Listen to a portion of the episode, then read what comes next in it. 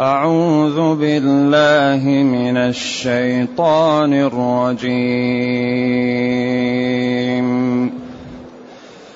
بسم الله الرحمن الرحيم.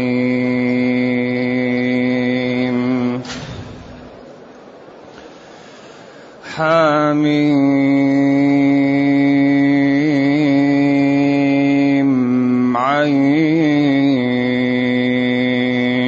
سين قاف. عين سين. قاف.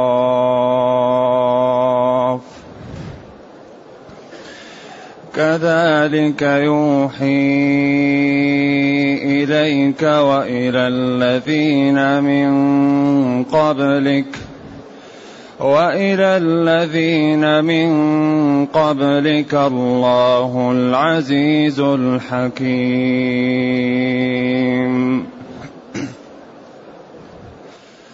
له ما في السماوات وما في الأرض له ما في السماوات وما في الأرض وهو العلي العظيم.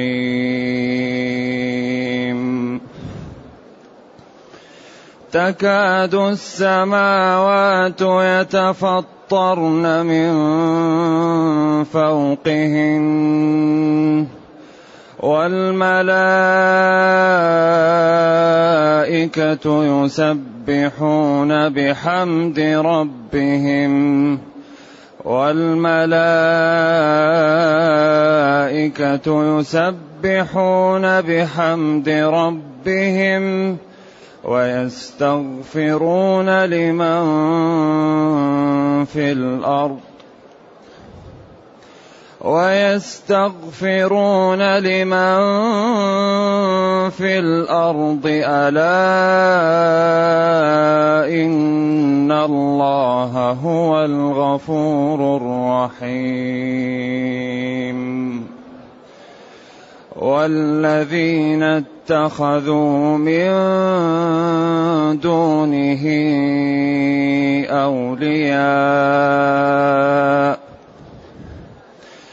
والذين اتخذوا من دونه أولياء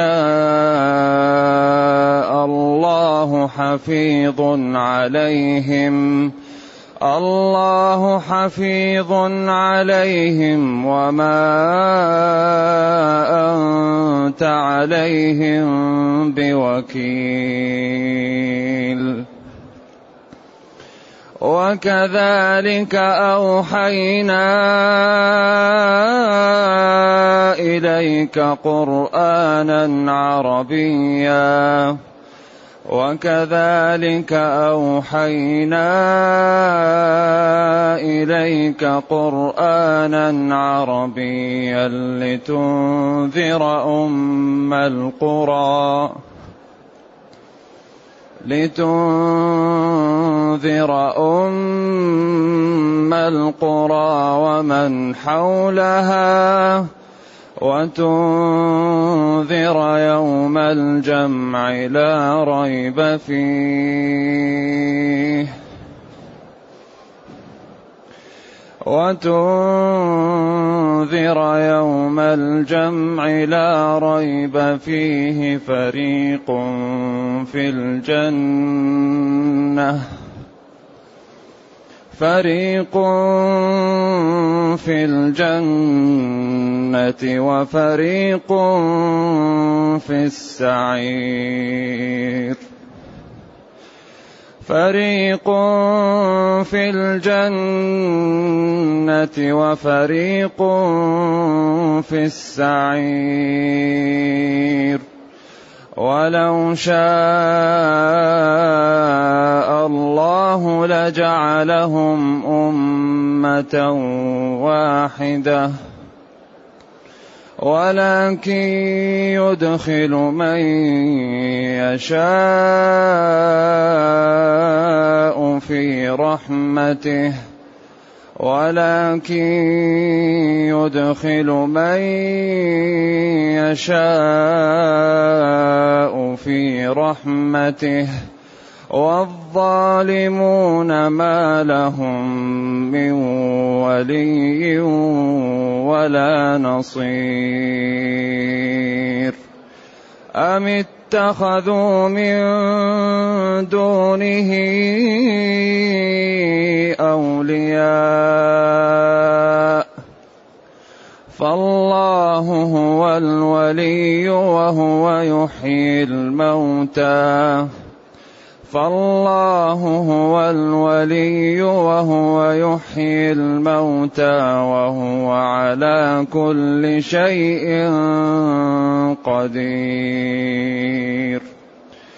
وما اختلفتم فيه من شيء فحكمه إلى الله. فحكمه إلى الله ذلكم الله ربي. ذلكم الله ربي عليه توكلت وإليه أنيب. الحمد لله الذي أنزل إلينا أشمل كتاب وأرسل إلينا أفضل الرسل وجعلنا خير أمة أخرجت للناس. فله الحمد وله الشكر على هذه النعم العظيمة والآلاء الجسيمة والصلاة والسلام على خير خلق الله وعلى آله وأصحابه ومن اهتدى بهداه. أما بعد فإن الله تعالى يبدأ هذه السورة بالحروف المقطعة. وهي من السور المكية باتفاق. إلا أربع آيات. وقد سبق أن قلنا إن السور المكية يكثر فيها الاستدلال على قدرة الله ووحدانيته وعلى الخلق وعلى الإحياء والإماتة وأن السور المدنية تكثر فيها التشريعات من صلاة وزكاة وصوم وحج ومن بيوع ومن بيان للمنافقين ومن حدود وقصاص. هذا دائما آيات الأحكام والأحكام تكون في السور المدنية لأنها احتاجت الأمة إلى هذه الأحكام. أما في مكة فأغلب السور تتكلم عن الخلق وعن الجبال والأنهار والبحار والسماوات والأرض والقدرة والإيجاد بعد العدم. وأهوال يوم القيامة والتخويف. قال العلماء يعني بعد البسملة حاميم عين سين قاف. قالوا لما هنا فصل حاميم عن عين سين قاف؟ وفي كاف ها يا عين صاد جعلها مع بعض. وكل منهم كم؟ خمس حروف. حاء ميم عين سين قاف. كاف ها يا عين صاد. لما فصل هذه وجعلها آيتين وهذه كلها كانت آية واحدة.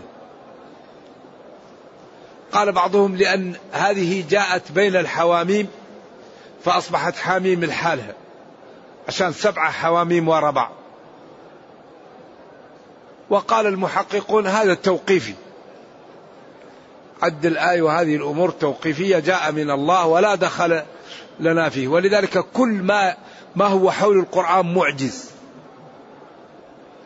وما قاله كثير من العلماء أن ترتيب القرآن ترتيب السور أنه اجتهاد يأباه إعجاز القرآن. فكل شيء في القرآن توقيفي. لذلك القرآن متميز. جعله الله كتابا متميزا. فلذلك اتفقوا على أن الآيات في السورة توقيفية.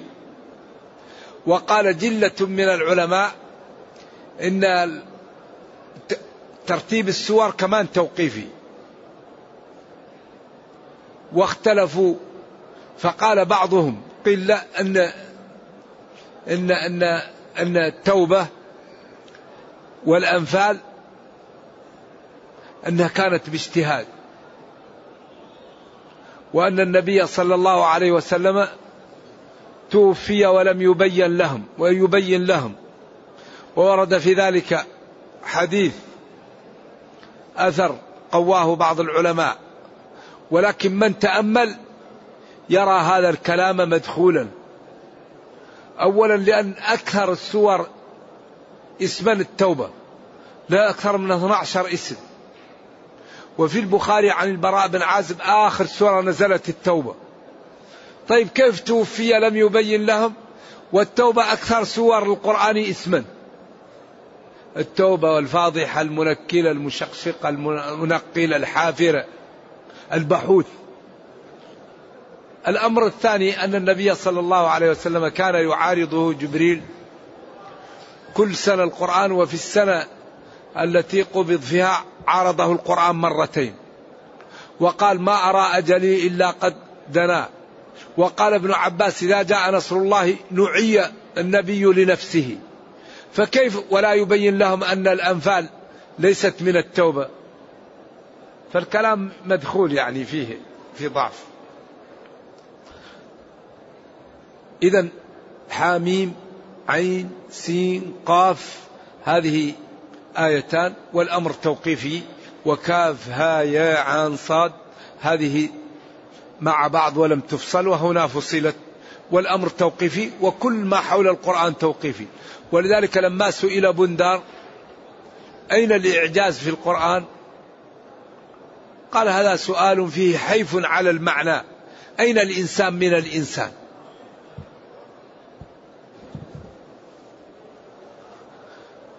وسبق أن قلنا أن هذه الحروف المقطعة اختلف فيها العلماء إلى قولين. جماعة قالوا إنها من المتشابه. ولذلك بعض المفسرين يقول حاميم الله أعلم بمراده بها. وبعضهم يقول إنها لها معنى واختلفوا إلى أكثر من ثلاثين قولا.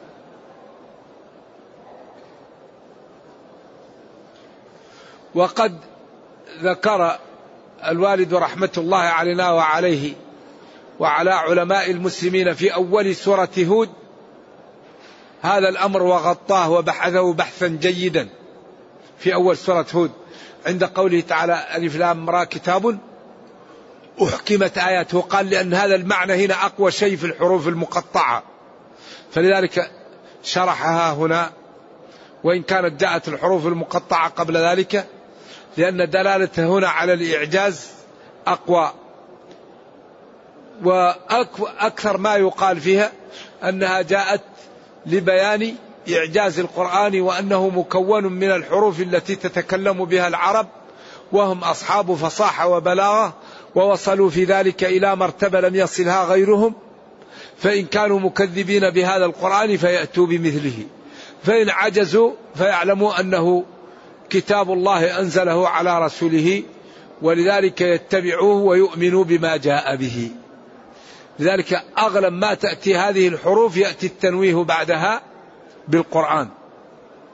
ذلك قال حاميم عين سين قاف كذلك يوحي إليك. فهذه الحروف جاءت للتحدي على أقوى الأقوال. حاميم. وورد فيها أثر ذكره ابن كثير وقال إنه لا يصح وأشار إليه في أنها إشارة إلى أمور تصل إلى الأمة وقالوا هذا لا يثبت ومنقول عن الثعلبي والثعلبي يذكر أشياء لا تثبت. كذلك يوحي إليك وإلى الذين من قبلك. حاميم عين سين قاف. هذه مثل ما أوحى إلى الذين من قبلك يوحي إليك. كذلك يوحي إليك وإلى الذين من قبلك. نعم. يوحي الوحي هو الإعلام الخفي. الإعلام الخفي السريع يقال له الوحي.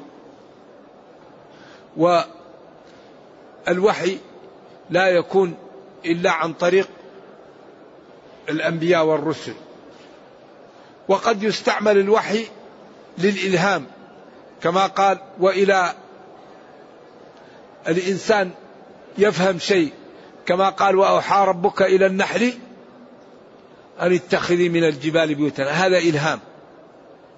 وأوحينا إلى أم موسى يعني أعطيناها غريزة وجعلناها تدبر هذا.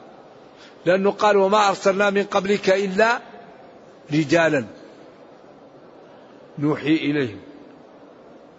كانت صديقة لكن لا يرسل ولا ي...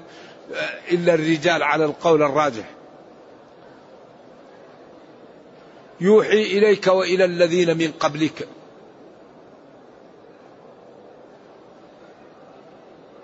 يوحي إليك وإلى الذين من قبلك. الله العزيز الحكيم.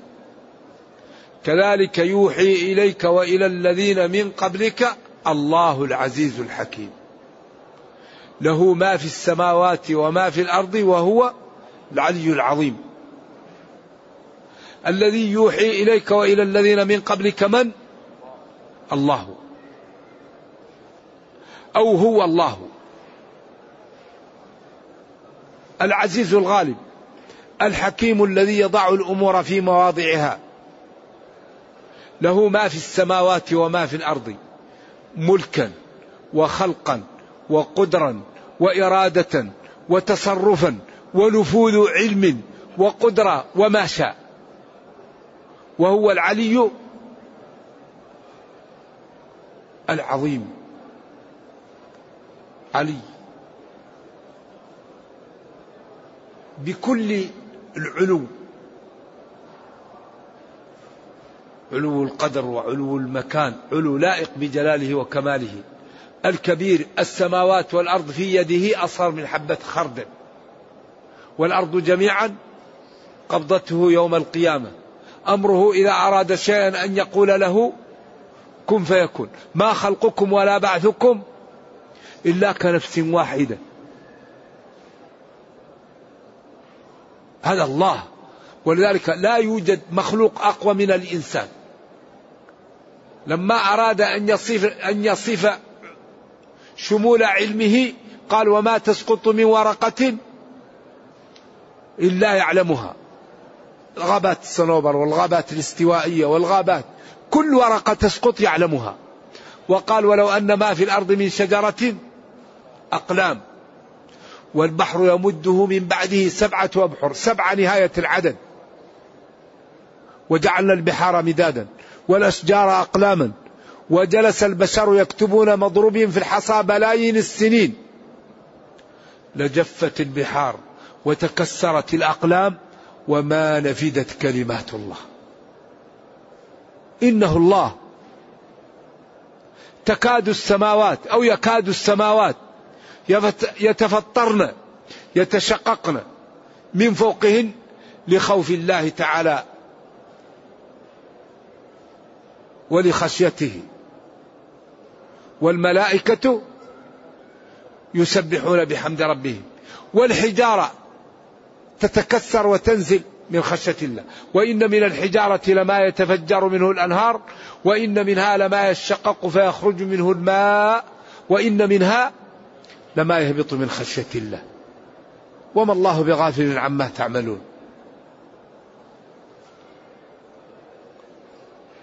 والملائكة يسبحون بحمد ربي مصاحبين تسبيحهم بتمجيد الله وتحميده. ويستغفرون لمن في الأرض من المؤمنين من المؤمنين. ألا إن الله هو الغفور كثير المغفرة كثير الرحمة لخلقه. يغفر الذنوب جميعا ويرحم في الدنيا جميع الخلق. كل مخلوق يرحمه الله ويغذيه ويحفظه حتى ينتهي أجله. رحمن الدنيا.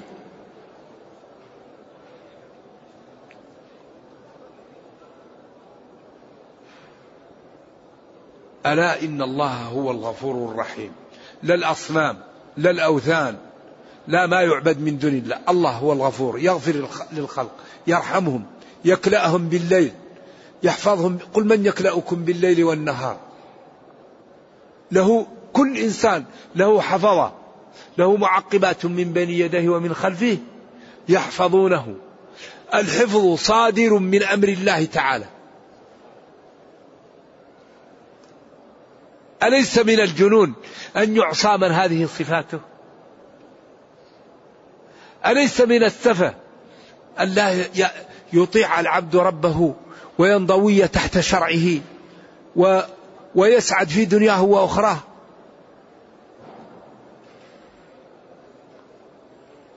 والذين اتخذوا والذين اتخذوا جعلوا واستعملوا من دونه من دون الله أولياء يوالونهم ويصافونهم ويعبدونهم. الله حفيظ عليهم. والذين اتخذوا من دونه أولياء الله حفيظ عليهم. حفيظ عليهم ذلك الاتخاذ وذلك العمل وسيجازيهم عليه بدون ظلم. والذين اتخذوا من دون الله أولياء يوالونهم ويصافحونهم ويوادوهم ويشرعون لهم ويطيعونهم فيما حرم الله. الله حفيظ عليهم. ذلك الفعل الذي فعلوه وسيجازيهم عليه. وما أنت عليهم؟ يا نبي بوكيل أنت لك أن تبلغ الرسالة فقط. أما الأمر ليس عليك الباقي على الله.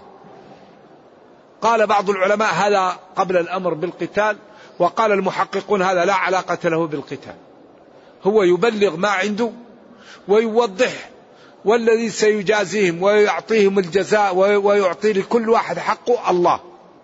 لأن النبي صلى الله عليه وسلم لا يملك. يملك يبلغ ويملك يوضح. أما ما في القلوب فهذا من خصائص الربوبية. نبينا صلى الله عليه وسلم لا يعلم من الغيب إلا ما علمه الله. قال وما يدرك وأنا رسول الله والله لا أدري ما يفعل بي ولا به. لما قالت هنيئا لك أبو سلمة. ما أدري ما يفعل بي. وقال يا عائشة إن كنت ألممت بسوء فتوبي إلى الله. حتى قالت كلامها المبكي المحزن. إن كذبت كذبت صدقتموني وإن صدقت كذبتموني وما لي ولكم إلا صاحب يعقوب وضاع عليها يوسف فصبر جميل والله المستعان على ما تصفون. وجلست تبكي تبكي تبكي حتى ظنوا أن البكاء فارق كبدها رضي الله عنها وعن أبيها وصلى وسلم على زوجها. حتى أنزل الله أولئك مبرؤون مما يقولون. فسري عنه وقال يا عائشة أبشري أما الله فقد برأك. بعدين بعد هذا يأتي واحد ويقول أنا أعلم الغيب. نقول له بكل سهولة كذبت. لا يعلم الغيب إلا الله. قل لا يعلم من في السماوات والأرض الغيب إلا الله. لا ولي ولا أحد. ما الغيب من خصائص الربوبية. إلا إذا نزل عليه الوحي وعلمه أنه سيقع كذا كما أخبر نبينا صلى الله عليه وسلم عن الفتن وعن الملاحم وعن كل ما سيقع. صلوات الله وسلامه عليه وقف من الصباح إلى الليل ولم يقع شيء إلا أخبر به.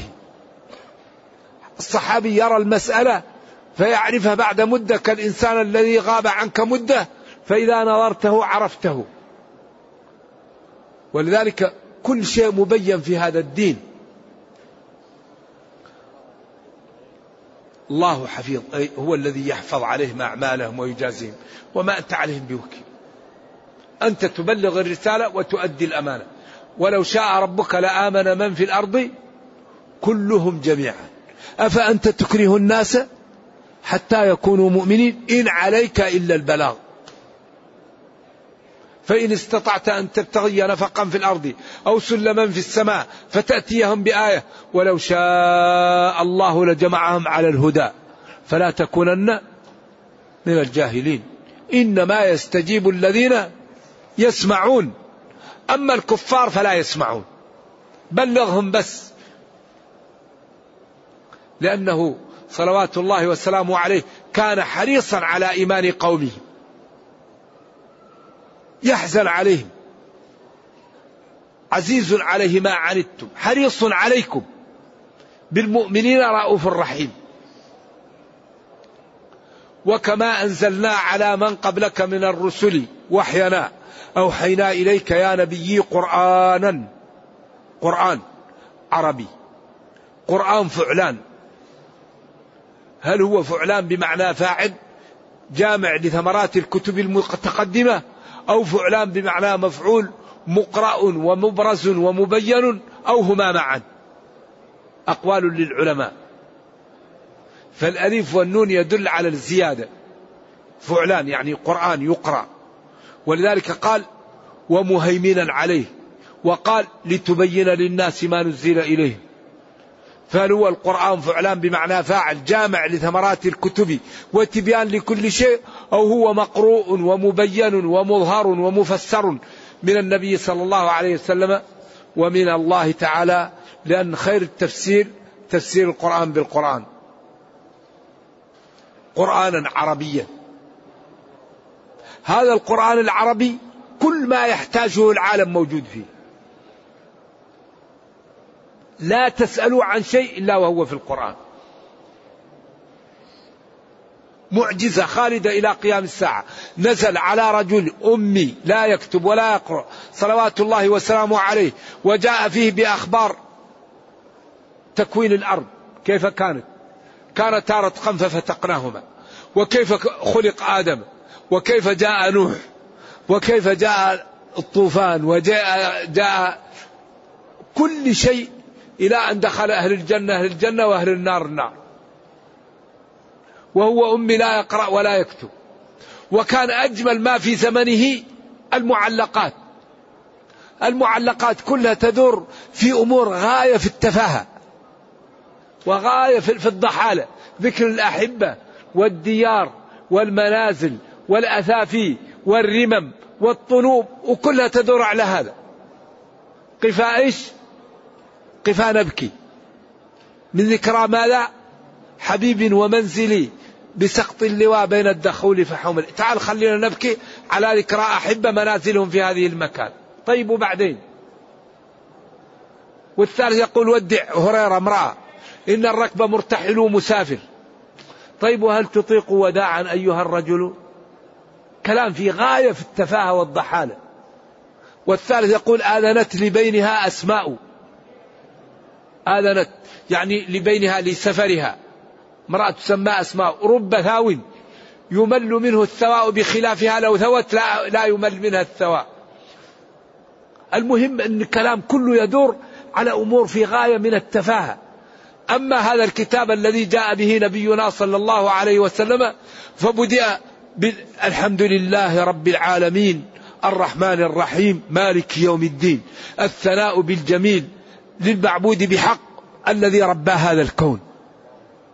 الثناء بالجميل المعبود بحق الذي ربى هذا الكون. إذا أين هذا من هذا؟ فلذلك هذا نقلة نقلة. فلذلك هذا الدين موضوع في قوالب آية في الجمال والحسن والإعجاز. لكن لا بد أن نعطيه الوقت. لا بد أن نفهمه. لا بد أن نوصله للناس بطريق سليمة بعيدة من التشويش ومن التشويه ومن ومن الغلط. الأمة العالم في حاجة إلى أن يبلغ هذا القرآن. قرآنا عربيا عربي. بلسان عربي مبين. لا يقال هار ما هار. هذا ما هو عربي. يقول على الشفاء جرف هار به ينهار إذا نزل. أما هار هذه اسم غير عربي وهو قال بلسان عربي مبين. لابد أن تكون دلالة دلالة عربية. بلسان عربي لا بد الدلالة تكون تدل عليها اللغة العربية. ما نأخذ كلمة عجمية ونركبها ونقول هذا دل عليه. لا. غير ذي قرآن عربي لتنذر أم القرى ولذلك هذا القرآن عربي إذا سمعه العربي سلم. قال لهم ائتوا بمثله. فتركوا الإتيان بمثله وفقدوا أموالهم وأنفسهم وبيوتهم وحياتهم. وهل يعقل أن يستطيعوا أن يأتوا بكلام لا يأتوا بمثله ويفقدوا أموالهم وأنفسهم؟ هل يعقل هذا؟ إنسان يقول له إن كنت مكذب هذا كلامه. مثل كلامك فأتي بمثله. فيتركه ويقاتل ويموت ويفقد نفسه وماله وسكنه. لا يعقل هذا. ولذلك قال لهم وإن كنتم في ريب مما نزلنا على عبدنا فأتوا فأتوا بمثله. وادعوا كل من في الأرض ليساعدكم على أن تأتوا بمثله. فإن عجزتم فاعلموا أني أنا الذي خلقتكم ورسولي أرسلته لكم فنفذوا ما جاءكم به. وإن لم تفعلوا ذلك فاعلموا أنكم ستعاقبون. فاتقوا النار. ذلك كل تحدي سافر. كل أدلة واضحة لا لبس فيها ولا برهان. لكن لا بد أن نفهم القرآن. لا بد أن نتدبره. لا بد أن نفهم اللغة العربية لأنها وعاء القرآن بلسان عربي مبين. فالذي لا يعرف العربية لا يفهم القرآن ولا يتدبره ولا يتذوقه ولا يستطيع أن يستنبط منه. فلا بد أن نفهم العربية لنتذوق هذا الكتاب ونعلم إعجازه وجمال أساليبه وما جاء فيه. إذا لتنذر أم القرى.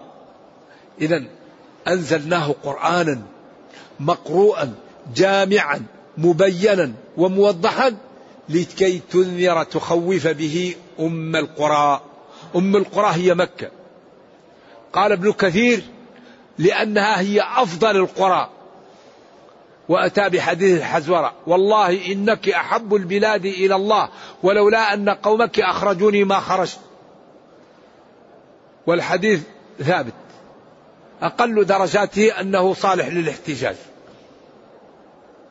والله إنك أحب البلاد إلى الله ولولا أن قومك أخرجوني ما خرجت.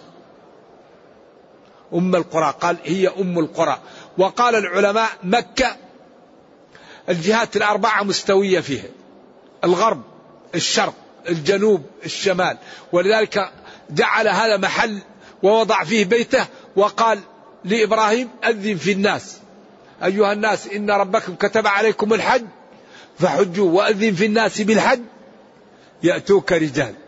فالجهات الأربعة مستوية في مكة. الغرب والشرق والجنوب والشمال فهي في وسط الأرض.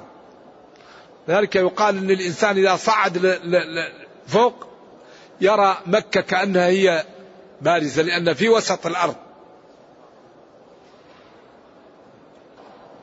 وهي قر... كل القرى تأكلهم لأنها هي يعني يدخل الإسلام فيها وكل الناس يأتوا إليها. لتنذر أم القرى ومن حولها جميع الخلق جميع الناس لأن جميع الناس حولها. وتنذر يوم الجمع وتخوف من يوم القيامة لا ريب في وقوعه ومجيئه. طيب وكل هذه الجمل كل وراء جملة وراء جملة فاتحة ثغرة. ولذلك هذا القرآن يتوسع يبين يبين. حتى يقول الإنسان يكفيني لا ريب فيه. طيب ما الذي يكون يوم الجمع؟ فريق في الجنة وفريق في السعير. هذا ثقل الجملة. وتنذر يوم الجمع لا ريب فيه فريق في الجنة وفريق في السعير. هذا هو النتيجة. وهذا هو الذي نخوف منه وهذا الذي يبين وهذا الذي يوضح وهذا الذي يكرر في القرآن مئات المرات. هدى لمن؟ للمتقين. بعدين قال ومن الناس من يقول آمنا بالله وباليوم الآخر وما هم بمؤمنين. إن الذين كفروا سواء عليهم أنذرتهم أم لم تنذرهم لا يؤمنون. هنا أدمج وقال وتنذر يوم الجمع لا ريب فيه. يوم القيامة لا, لا ريب فيه. ولذلك يكثر التخويف من يوم الجمع في هذا الكتاب. واتقوا يوما لا تجزي نفس عن نفس شيء. يوما يجعل الولدان شيبا يوم يفر المرء من أخيه. يوم مقداره خمسين ألف سنة. يوم لا تسمع إلا همسا. خوف يخوف يوم الجمع يجمع الناس. لا ريب في وقوعه. إيش اللي يحصل؟ فريق في الجنة وفريق في السعير. يوم تبيض وجوه وتسود وجوه. جماعة في الجنة وجماعة في السعير. ولو شاء الله لجعلكم أمة واحدة. على الإسلام على الكفر. لجعلهم. نعم غيبة هنا. ولو شاء الله لجعلهم أمة واحدة لفعل. قيل على الإسلام وقيل على الكفر. ذكر ذلك الحافظ بن كثير. كما قال كان الناس أمة واحدة فكفروا فبعث الله النبيين. ولو شاء الله لجعلهم أمة واحدة. ولكن ولكن يضل ولكن يدخل من يشاء في رحمته. ولو شاء الله لجعلكم أمة واحدة. ولكن أراد أن يجعل بعضكم للخير وبعضكم للشر. ولكن يدخل من يشاء في رحمته والظالمون ما لهم من ولي ولا نصير. والظالمون يدخل من يشاء في رحمته. والظالمون ما لهم من ولي ولا نصير. ما لهم من يواليهم ولا ينصرهم. وهنا وقفة مع الأحاديث الصحيحة في القدر. أن الله تعالى لما خلق آدم حركه وأخرج منه الذرية. وقال هذا للجنة ولا أبالي وهذا للنار ولا أبالي. ومما يعضد ذلك أن الجنين إذا نفخت فيه الروح تكتب أربع كلمات شقي أو سعيد. وهذا هو الذي يخوف العلماء والأتقياء والصلحاء ويجعل كل إنسان على وجل وعلى خوف. وعلى خطر. ولما استشكل الصحابة ذلك قال لهم نبيهم بعد نزول آية الحديد ما أصاب من مصيبة في الأرض ولا في أنفسكم إلا في كتاب من قبل أن نبرأها. إن ذلك على الله يسير لكي لا تأسوا على ما فاتكم ولا تفرحوا بما أتاكم. قال جفت الأقلام وطويت الصحف. قالوا يا رسول الله ففيما العمل؟ قال اعملوا اعملوا اعملوا. فكل ميسر لما خلق له. اعملوا. اعقلها وتوكل. وقل اعملوا. المؤمن القوي خير وأحب إلى الله من المؤمن الضعيف. قل شاء الله وقدر وما شاء فعل ولا تعجزن. اعمل صلي صم. غض بصرك. بر بوالديك اكرم جيرانك. قم بمن أوجب الله عليك القيام عليه. أترك الربا أترك الرياء أترك النميمة أترك أعراض المسلمين. ساع زور المرضى ساعد في إصلاح ذات البين. اعملوا قل اعملوا اعملوا. اعملوا فسيرى الله عملكم. من يريد الجنة يشتغل. أما الذي يقول إذا شاء الله نهتدي هذا على خطر. الذي لا يعمل هذا على خطر ويقول لو شاء الله ما يدريك ما لا كتب لك. أنت تعرف ما الذي كتب لك؟ حتى تترك العمل وتتكل على كتابك. الكتاب لا يعلمه إلا الله. إذا تقوم بالأسباب. لأن الدنيا يحكمها قانون المسببات. أوفوا بعهدي أوفي بعهدكم. إن الله اشترى اشترى. فاستبشروا ببيعكم. فلذلك العلاج العمل العمل مع خوف الله وسؤاله التثبيت على الدين. لأنه أخطر شيء الخاتمة. إن الرجل لا يعمل بعمل أهل الجنة فيما يبدو للناس. حتى لا يبقى بينه وبينها إلا ذراع فيسبق عليه القلم فيعمل بعمل أهل النار فيدخلها. وإن الرجل ليعمل بعمل أهل النار فيما يبدو للناس حتى لا يبقى بينه وبينها إلا ذراع فيسبق عليه القلم فيعمل بعمل أهل الجنة فيدخلها.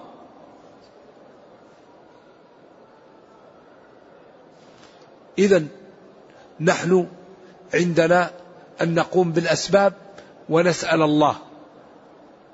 نقوم بالأسباب. نصلي نصوم. نذكر الله نستغفر. الواجب نفعله الحرام نتجنبه. وبإذن الله تعالى ربنا يقول إن الله لا يضيع أجر من أحسن عملا. ولا ينصرن الله من ينصره. من يتق الله يجعل له مخرجا. وهذا الذي نملك. نملك أن نقوم بالأسباب. أما ما كتب هذا لا يعلمه إلا الله. والله لا يسأل عما يفعل. بعض الناس مكتوب شقي وبعض الناس مكتوب تقي. وهذا والذي هو شقي عياذا بالله يصرف عن العبادة وعن عمل الخير وعن الطاعة فيقسو قلبه ويحب الشهوات ويحب المعاصي ويكره قراءة القرآن ويكره صلة الرحم ويكره الخير ويكره أهل الخير. فإذا قلت له صلي لا يقبل الصل صل لا يقبل. لأنه عياذا بالله جبل على الشر. وبعض الناس خلق للجنة فهو مجبول على الخير ويحب الخير. وقال صلى الله عليه وسلم اعملوا فكل ميسر لما خلق له. اعملوا. ولذلك ينبغي الحقيقة أن الإنسان يجتهد ويخاف. ولذلك كان أبو بكر يخاف. وعمر يخاف وحذيفة يخاف وكان الإمام سفيان الثوري لما كبرت سنه ذكر ذلك الذهبي في السير أعلام النبلاء في ترجمة الإمام سفيان الثوري. كان يكثر البكاء عند كبر سنه فكلمه جلساؤه وقالوا له يا شيخ أنت على خير ما الذي يبكيك؟ قال أنا لا أخاف من ذنوبي. قالوا ومما تخاف؟ قال نخاف أن يؤخذ إيماني قبل أن نموت. نخاف أن يسلب مني الإيمان قبل الموت. ولذلك كثرة المعاصي هذه أخطر شيء تسبب للإنسان سلب الإيمان قبل الموت. وقد يخاف صاحب العصيان عند الممات سلب الإيمان. الذي يغرق في المعاصي عياذا بالله يأتيه الشيطان عند الموت ويكفره. نرجو الله السلام والعافية. فلذلك حقيقة الإنسان يعمل الطاعات ويخاف عند صحته ونشاطه وعند ضعفه وعدم قدرته للعمل يحسن الظن بالله. ولا يقنط ولا ييأس والله يغفر الذنوب جميعا. ربنا كريم كريم كريم. وكل من سأله أعطاه. يقول ادعوني أستجب لكم. الحسنة بعشر أمثالها والسيئة بواحد. ومن نام يسامح. ومن نسي يسامح ومن اضطر يسامح ومن تاب يسامح. فربنا كريم ولكن المشكلة الذي لا يبالي ولا ينتبه ولا يحاسب نفسه قبل أن يحاسب. ولكن الله جل وعلا يدخل من يشاء في رحمته. أدخله.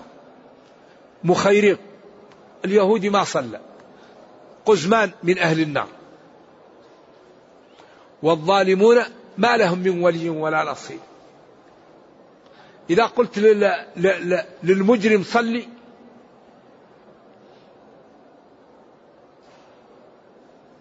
يقول لك شلك شغل. ما يعنيك هذا. روح. وغضب. وإذا قيل له اتق الله خذته العزة بالإثم ولذلك الذي في قلبه الإجرام إذا رأى المصلي يحتقره. هذا يصلي. إذا رأى المتدين ينظر له نظرة؟ ازدراء. إذا منزلة السفيه عند الفقيه كمنزلة الفقيه عند السفيه. فهذا زاهد في قربه هذا وهذا منه أزهد منه فيه. نعم. ولذلك أهل الضلال إذا رأوا أهل التقى يحتقرونهم وينظرون إليهم باشمئزاز لأنه يرى أنه يضيع وقته. ماشي جاي طول اليوم للصلاة ما يشتغل مغفل. إذا كان يوم القيامة تشوف من المغفل؟ إذا وضعت الموازين يشوف قيمة من طاع ربه ومن استقام وخاف.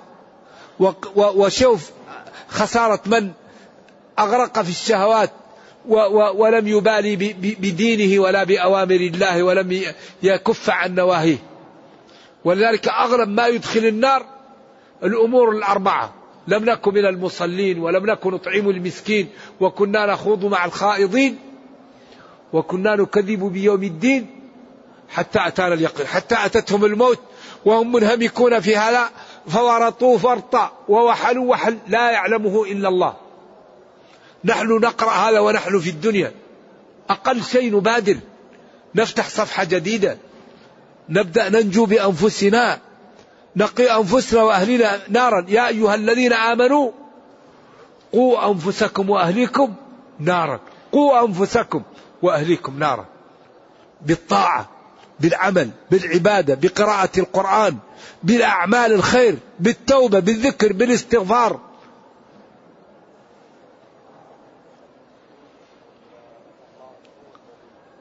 أم اتخذوا بل أم منقطعة بمعنى بل والهمزة الإنكار. بل اتخذوا من دونه أولياء يوالونهم ويصافحونهم ويطلبنا فالله هو الولي.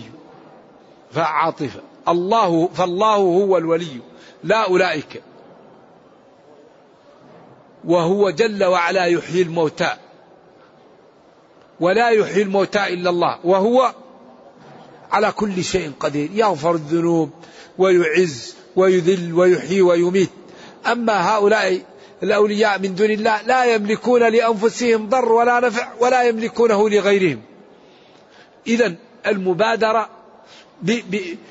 بالانضواء تحت شرع الله وطاعته والبعد عن غير الله. غير الله لا ينفع ولا يضر. وما اختلفتم فيه من شيء فحكمه إلى الله. الله أكبر. كل شيء اختلفتم فيه حكمه إلى الله.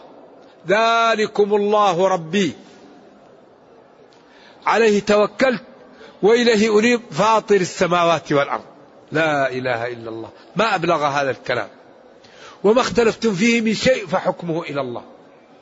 أي شيء تختلف فيه حكمه إلى الله. سيحكم فيه. وبين حكمه في شرعه. ذلكم الله ربي. ذلكم الذي الحكم إليه. الله ربي لا الأوثان ولا الأصنام ولا غيره. عليه توكلت. اعتمدت. واتكلت إليه.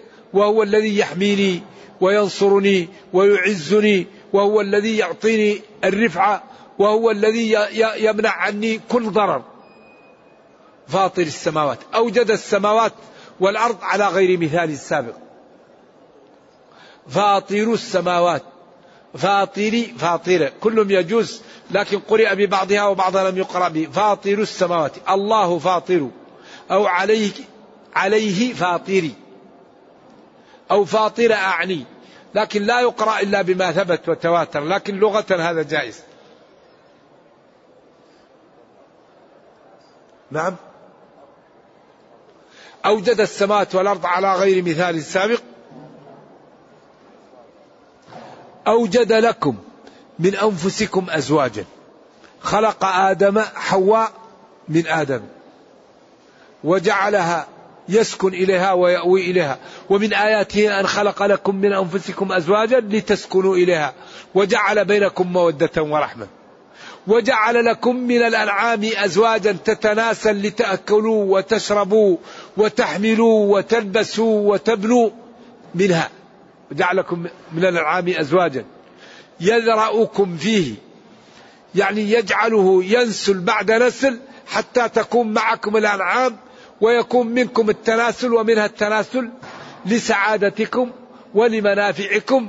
فحري أن يشكر ويطاع ولا يكفر. نعم؟ انتهت الآيات ولا باقي؟